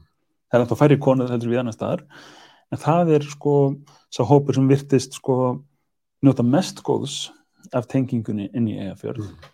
Og gæti verið út af öryggis þá eða Já, sé náttúrulega vinnumarkaðurinn það er stækkar. mjög einangraður staður. Jú, jú, og, og svo er náttúrulega bara þessi hérna, sko þessi hérna, sko, verkaskipting kynjan á heimilunum þýðir það að konurnar eru miklu tengdar, sko, þær þurfa að búa nær heimilinu vegna þess að ef að barn er veikt þá þarf einhver að komast. Þess vegna er það sem að gerist eins og á, hérna, á Selfossi það eru miklu fyrir kallar sem að sækja vinnur ekki okkur heldur um konur. Það verður svona kynja misrétti sem skapast af því að það getur ekki bæði verið í burtu og þetta lendur á konunum. Mm. þegar þú opnar göng þegar verður til lálendsleið að þá stækkar þetta rými. Það líka gerast hlutir eins og þetta sko, sko viltu búa á stað þar sem að sko ef að badnið þitt vaknar upp með 40 stegi hita að þá fer þetta veðri hvort þú kemst á sjúkrós Mm. Og þessi hlutir kvíla meira á konum út af því hvernig við þurfum skiprátt okkar fjölskyldulíf sko. þannig að það, það er sko þessi hlutir hafa fyrr áhrif Borga göng sig alltaf. Getur þú bent á göng sem að skiluð engu. Þú varst nú að segja svona á vestfjörðum að það hefur bara bætt lífskjörinn, það var ekkert að benda já, á svona hagtölur til þess að hugstuðu það, en það var auðvelt með Siglufjörð og eða. Fjallabyggð og Fjörðabyggð. Jú, jú, og þetta er auðvitað, sko, menna, sko, hagfræðingar vilja þetta mæla til peningum. Mm. Og þeir segja bara, eina, þú bara mælið það hvort að það skilji hagnaði og umferður eru ekki líka bara, þú veist, bara verðum við á mannslífið og þá getur rekka hagnaðin, sko, en þetta eru samt þrý hlutir. Eitt er það hvort að göng skili sér peningalega. Mm. Stitta vegalengdir, minga bensíneðslu, eitthvað svona. Annað hvort er auki umferður eru ekki Mm.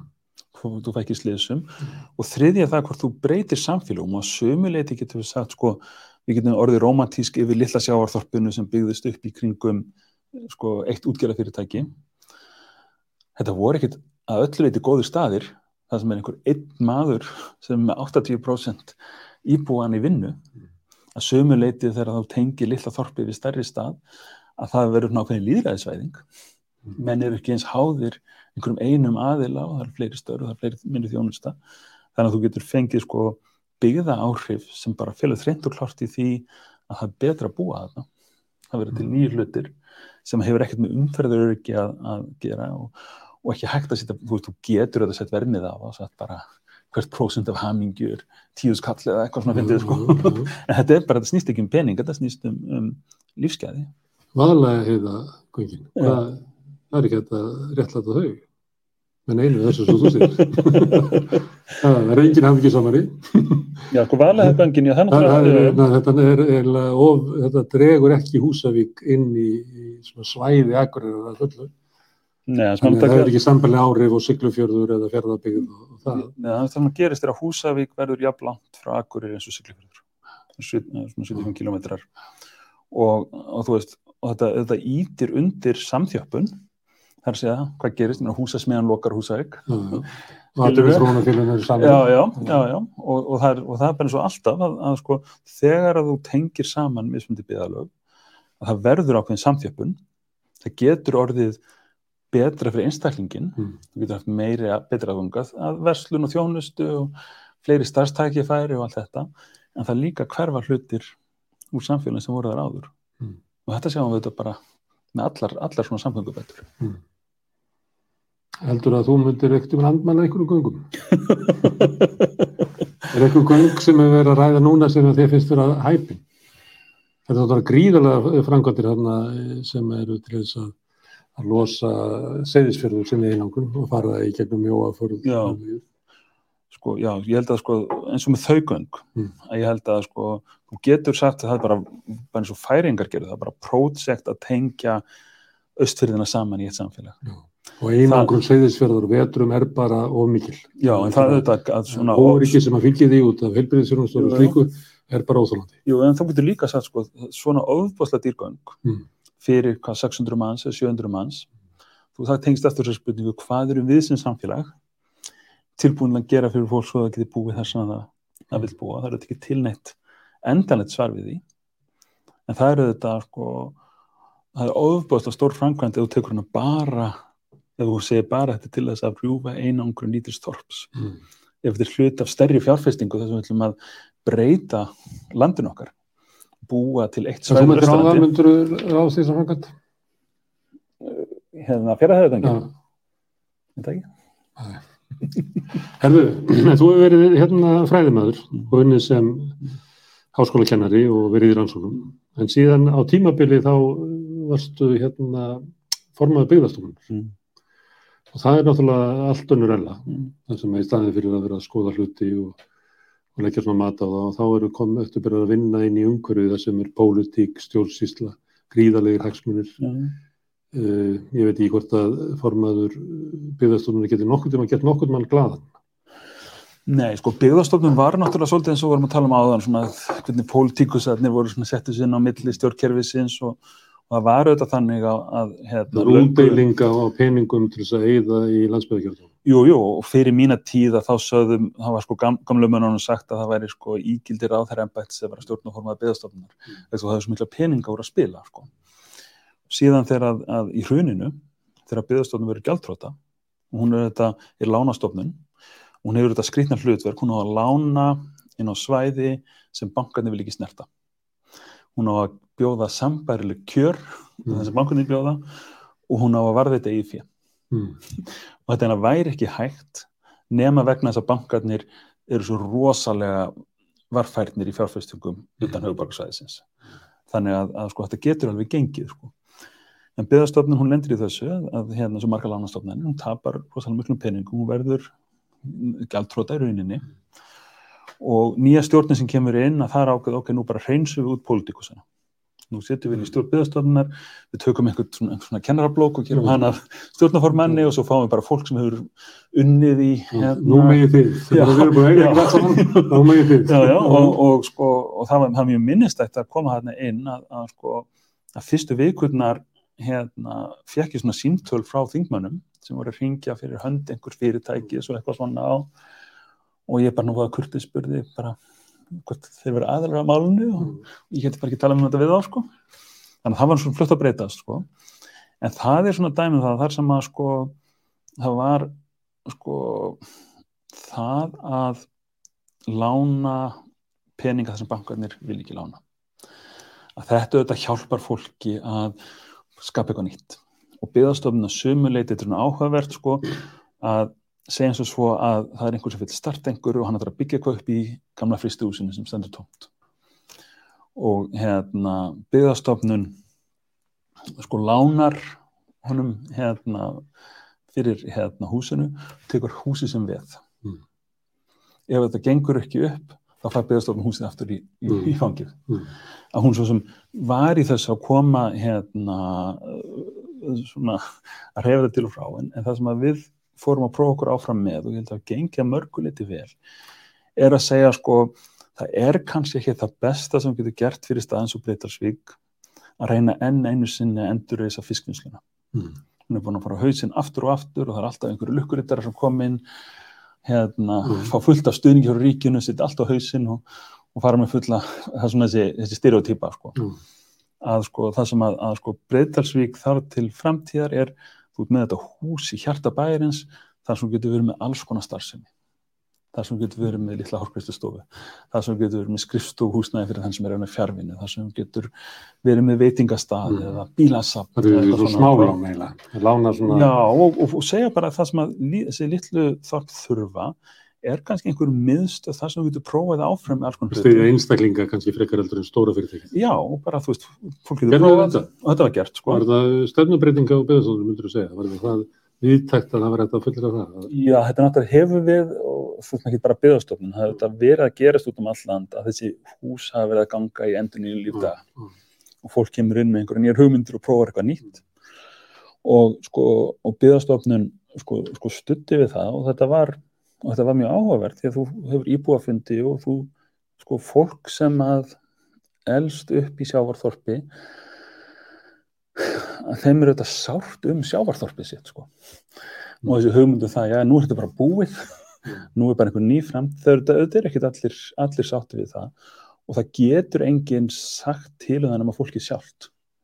Mm. hvort þú sé tilbúin til þess að, að taka þetta skref. Og við sjáum þetta alveg, ég meina á sumum stöðum á, á sko djúbavói að þar eru mennir að byggja upp vinsluna og það kemur inn hérna fiskaldið og allt þetta sko þú ert með þorp eins og ef við tökum þorp eins og flateri hvað var ofta reynd að endur þessa fiskvinnsluna og Mm. flateri það eru alls konar hlutir að gerast þar Mm. sem hafa ekkert með, með, hérna, með sjávarútveg að gera og það getur engin sko, þú stjórnaforma byggðastofnun eða pólitíkus komið inn og sagt nú eigið þið að, að fara þessa leið, þetta verður búin að gefa fólki tækifæri til þess að finna Mm. sér framtíð og staðnum framtíð Og líka kannski bara fólk sem er ekki frá flatri. Flatri er nú svona einhver liti að kannski verða svipað og flatei var á sín tíma. Það er svona artifarti fólk úr Reykjavík sem að, hérna er að kaupa sér hús þar að gera upp. Já, þannig, en þannig hafði þessi staðir alltaf verið Minna, Mm. þú höfður á sko átta áratíðin þegar það var sko fólksflutningar út í þorpin þegar fólk úr Reykjavík, það fólk allstaðar að Mm.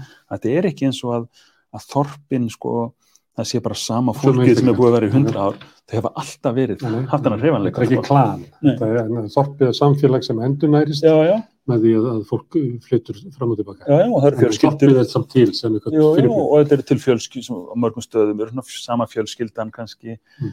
er svona á djúpar rætur á staðnum og allt þetta en, þessi hreyfanleiki, fólk sé að koma og fara þetta er ekkert nýtt Mm. þetta er svolítið bara í, í, í eðli þorpana Pólitíkin, það er minna rætt um, um uh, byggðamál, Mm. kannski að því að byggðastofnum var ekki stað, hún er ekki sami fengur fyrir stjórnmálamennu áður var, kannski vegna þess að,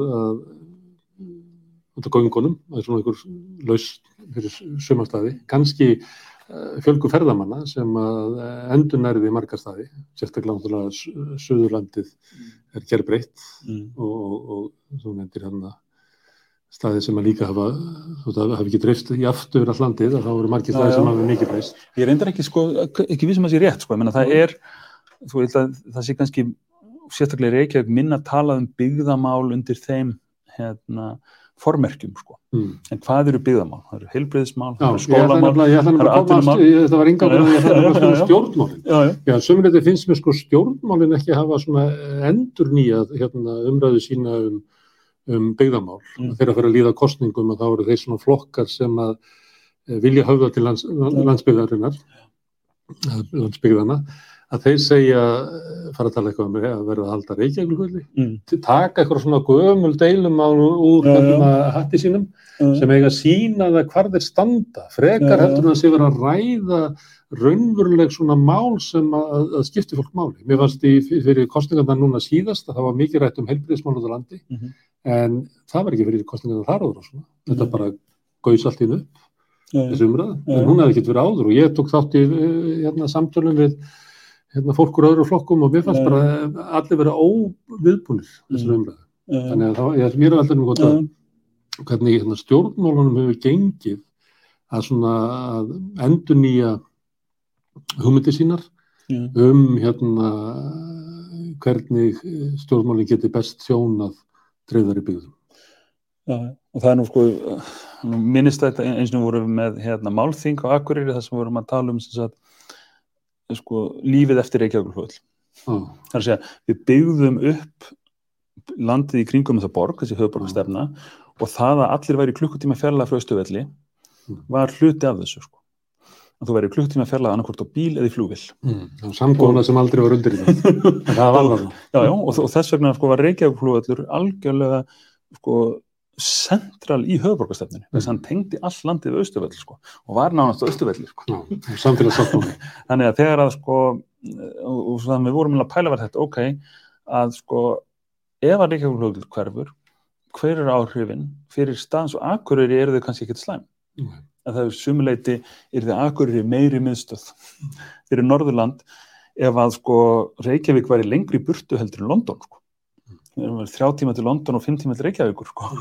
hvað, hverju breytir það fyrir akureyri á Ísafirði er þetta alltaf öðru vísi þannig að sko millilandaflugið uppbyggingin á akureyri hvað fyrir austan, þetta var svona umræðan Mm. og hérna og Það var samt ekki þannig að Akureyringa færi að heimta flugvillin burt.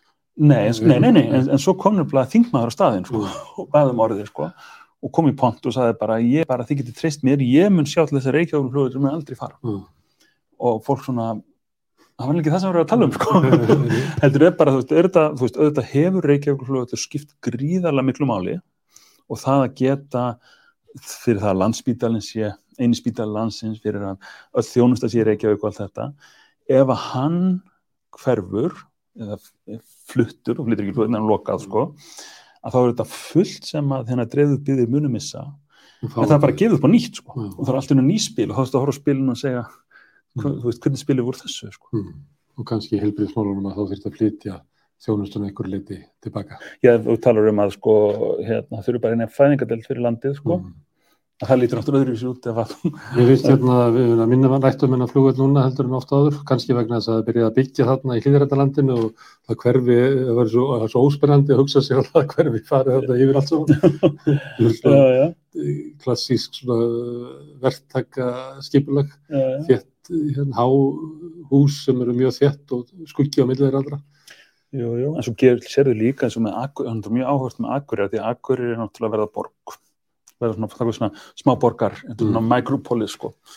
Að hérna, það er sko, sko fólk hefur miklu meira gaman að tala um sko millendaflugið heldur Reykjavíkflugið Já, og sér bara hvað sko hérna, Akureyringar eru sko til að komast tvisvar í viku til London og tvisvar í viku til Köpenhamnar já, og miklu minn áhyggjur að hversu öðvöld séu komast til Reykjavíkur. Mm. að þetta er hluti af þessum breytingum sem er að verða þar sem, að, sko, þar sem við byrjuðum Mm. að sko Reykjavík var 1750 og eftir það sko þetta var þetta akkir það sem þú tengdir um heiminn allt þetta góða sem er að gerast í umheiminn og allar framfæriðnar er að koma til landsins í gegnum bæin og setja borgina.